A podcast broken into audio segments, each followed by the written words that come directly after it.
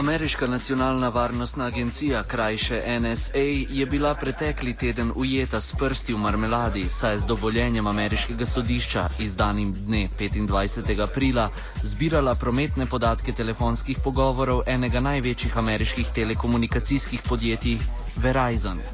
Plaz razkriti konec minulega tedna pa je seboj ponesel tudi določene tajne projekte omenjene obveščevalne službe. Javnost je tako izvedela za program Prizem, ki ni nič manj kot poskus celovitega nadzora nad omrežnimi komunikacijami na globalni ravni. Ponudniki spletnih storitev, ki jih uporabljajo tudi državljani Slovenije, so agenciji že od leta 2007 naprej omogočali dostop do zasebnih računov pri podjetjih Apple, Google, Facebook in ostalih ameriških spletnih gigantih. To potrjujejo dokumenti, ki jih je pridobil britanski časnik Guardian in so očitno namenjeni za izobraževanje prizmovih operativcev. Izpovedujejo pa tudi kapacitete za sledenje spletnim pogovorom, zgodovini brskanja po vsem režju in prenosom datotek. Pri tem je program Prizem podatke pobiral neposredno na strežnikih ponudnikov teh storitev. Te navedbe so že demantirali pri Googlu, ki pravi, da globoko spoštuje pravico do zasebnosti svojih uporabnikov in da nobeni vladi ne omogoča tako imenovanega zadnjega vhoda.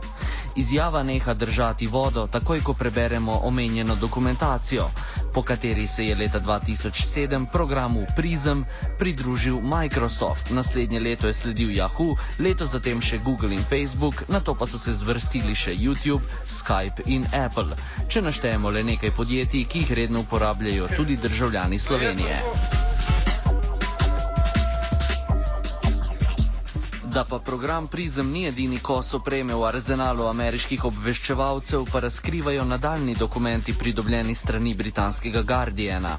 Američani so namreč razvili orodje imenovano Boundless Informant, ki je namenjeno klasifikaciji in vizualizaciji podatkov pridobljenih s pomočjo data mininga. Ti surovi podatki so analizirani v oblaku in klasificirani glede na njihovo poreklo. Operativcem omogočajo pogledi na daljne sledenje IP naslovu, z katerega so prišli strokovnim izrazom, omogočajo nič manj kot backtracking posameznika, torej forenzično analizo, ki je, spos ki je sposobna pardon, vzpostaviti celotno zgodovino našega brskanja po internetu.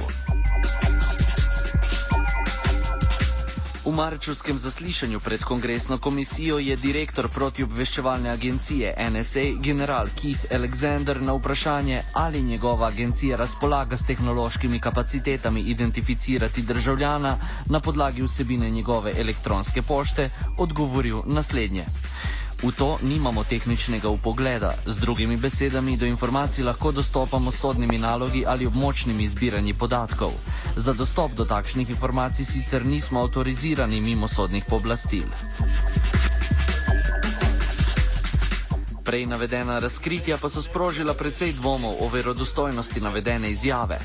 NSA kljub temu ustraja pri svojem in demantira trditve zagovornikov zasebnosti in časnika Guardian kot vzete izven konteksta in predsenjujoče do kapacitet tehnologije, s katero razpolaga agencija.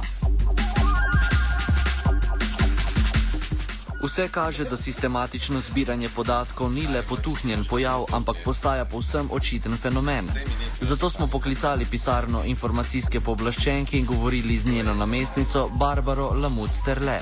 Vprašali smo jo, v kateri pravni red so upeta tehnološka podjetja, ki jih vsakodnevno uporabljamo tudi evropski državljani. No, praviloma seveda velja za, za nek pravni subjekt zakonodaja države v kateri ima sedež, če zdaj govorimo o pravni osebi. Tako da praviloma gre za teh primerih za korporacije s sedežem v združnih državah. Nekatere od njih imajo tudi podružnice po določenih državah v Evropi, uh, torej vsaj za tisto podružnico in tistem delu velja tudi zakonodaja Evrope, Evropske unije in pa tiste države, v kateri ima ta podružnica sedež. Sicer pa ja, v glavnem gre za ameriška podjetja.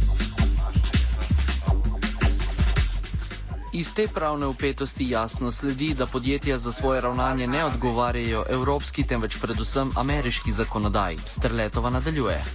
Ponudniki storitev sedežem ZDA prvenstveno spoštujejo ameriško pravo, dolžni so ga seveda spoštovati. Če naredijo kaj več, je to v glavnem odraz njihove dobre volje, v glavnem tudi plod sitnarjenja evropskih varuhov zasebnosti, um, ki seveda ustrajamo, da kadar je posredi internet, ki je zaradi narave delovanja globalen, ne, mi ga ne moramo omejiti na državne meje, da je treba prilagoditi zakonodajo in bolj zavarovati zasebnost in osebne podatke posameznika. Ampak eh, v glavnem eh, moram priznati, da nismo prav uspešni. Globalnost interneta in posledične težave s pravnim redom, v katerem se ta giblje, skrbi tudi Mateja Breznika iz Slovenskega inštituta SICERT.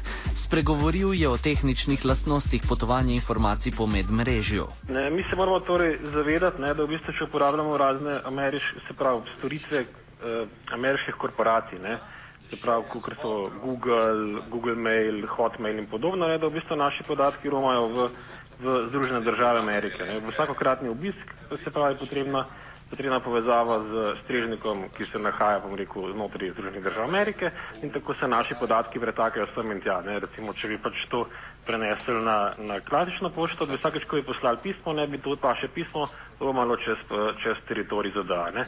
Kaj se v bistvu z našimi podatki dogaja, potem, ko v bistvu se prenašajo preko tujega teritorija, pa v bistvu zelo težko zelo težko omejimo z lastno zakonodajo. Ne. Zdaj, če povzamemo recimo tale primer teh piškotkov, ne, recimo vsakeč, ko gremo na kakšno spletno stran, ne, recimo malo ta spletna stran, večini zdaj se že pač večina spletnih strani uporablja to Google analitiko, ne, ker je pa Google analitika je pač, bom rekel, uporabnikom prijazna, ne. Ampak hkrati se moramo zavedati, da v bistvu, ko mi obiščemo spletno stran, ta spletna stran v bistvu vsebuje nek, nek delček, ki zahteva podatke iz strani uh, Google Analytics. Ne. To je spet neka domena, ki se nahaja znotraj Združenih držav Amerike. Ne. Se pravi, ko mi obiščemo neko slovensko spletno stran, če spletna stran upravlja Google Analytico, v bistvu ne vede, naš računalnik naredi zahtevo na Google Analytics ne, in s tem v bistvu pove, ne, se pravi, bi lahko rekli, da v bistvu tudi. Če bi šli ne, dejansko na ta nivo, bi tudi lahko rekli, da tudi Google ve, da smo mi to spletno stran obiskali. Ne. Zdaj, um, seveda zaradi tega ne, potem tudi nekako tudi iz tega razloga prišla ta direktiva o piškotkih, ne, da se dejansko ta problem nekako zameji in da se v bistvu poskrbi za, uh, rekel, zasebnost uh, obiska spletnih strani. Ne. Breznika smo nadalje vprašali, v kakšni v kakšni meri se odrekamo z evropskim pravnim redom zagotovljeni zasebnosti, če uporabljamo spletne storitve podjetij, ki so registrirana v Ameriki ali pa se njihovi strežniki tam fizično nahajajo. Uh, v primeru, da uporabljamo uh, Google Mail ne, oziroma Gmail, ne, se moramo zavedati, da so pač to storitve, ki se nahajajo znotraj ZDA in da v bistvu so delno proti. Uh, oziroma so v popolnosti pod ameriško zakonodajo oziroma zakonodajo ZDA in v tem zvezi tudi potem lahko naši podatki obravnavani.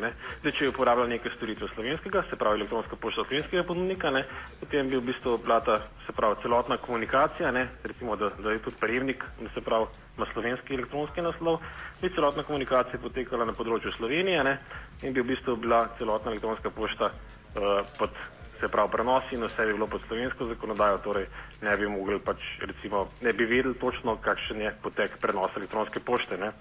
Eh, zdaj, kako pa zbiramo storitve, je pa druga stvar. Ne? Recimo, večina recimo, uporabnikov ne, je, ima zelo radih, uporablja Facebook, ne, Twitter. Ne? Zato te dve storitve se moramo zavedati, da se nahajata znotraj zadane pravi, vsako informacijo, ki jo v bistvu oddamo, ne, gre preko ozemlja ZDA in se tam shrani. Ne? Zdaj, kako tle rešiti situacijo, je pa potem še odprto. Ne? Oddajo zaključujemo z izjavo namestnice informacijske pooblaščenke Rozano Lemut-Strle. Na svet, ki gre uporabnikom, je, da morajo sami poskrbeti za lastno varnost, ker trenutno jim pravni red tega ne omogoča. Pravni red že regulira, kaj kdo sme. Ne? Ampak, ko govoriva o internetu, moramo se zavedati in vsi uporabniki se morajo zavedati, da na internetu država nima meja. Ne? In lahko Gremo tudi pooblaščenec, lahko gre k nekemu ponudniku storitev, ki ima sedež v Sloveniji in ukrepa. Ampak v naslednji fazi se bo ta ponudnik preselil v neko tretjo državo, kjer ne bo pooblaščenca sploh, ali pa bo zakonodaja bolj naklonjena aktivnostim, ki jih mi danes tukaj preganjamo. Tako da na svet uporabnikom dejansko ne smem bi bil, um, da naj pazijo, kaj počnejo. Offside je pripravil Luka Tetičkovič.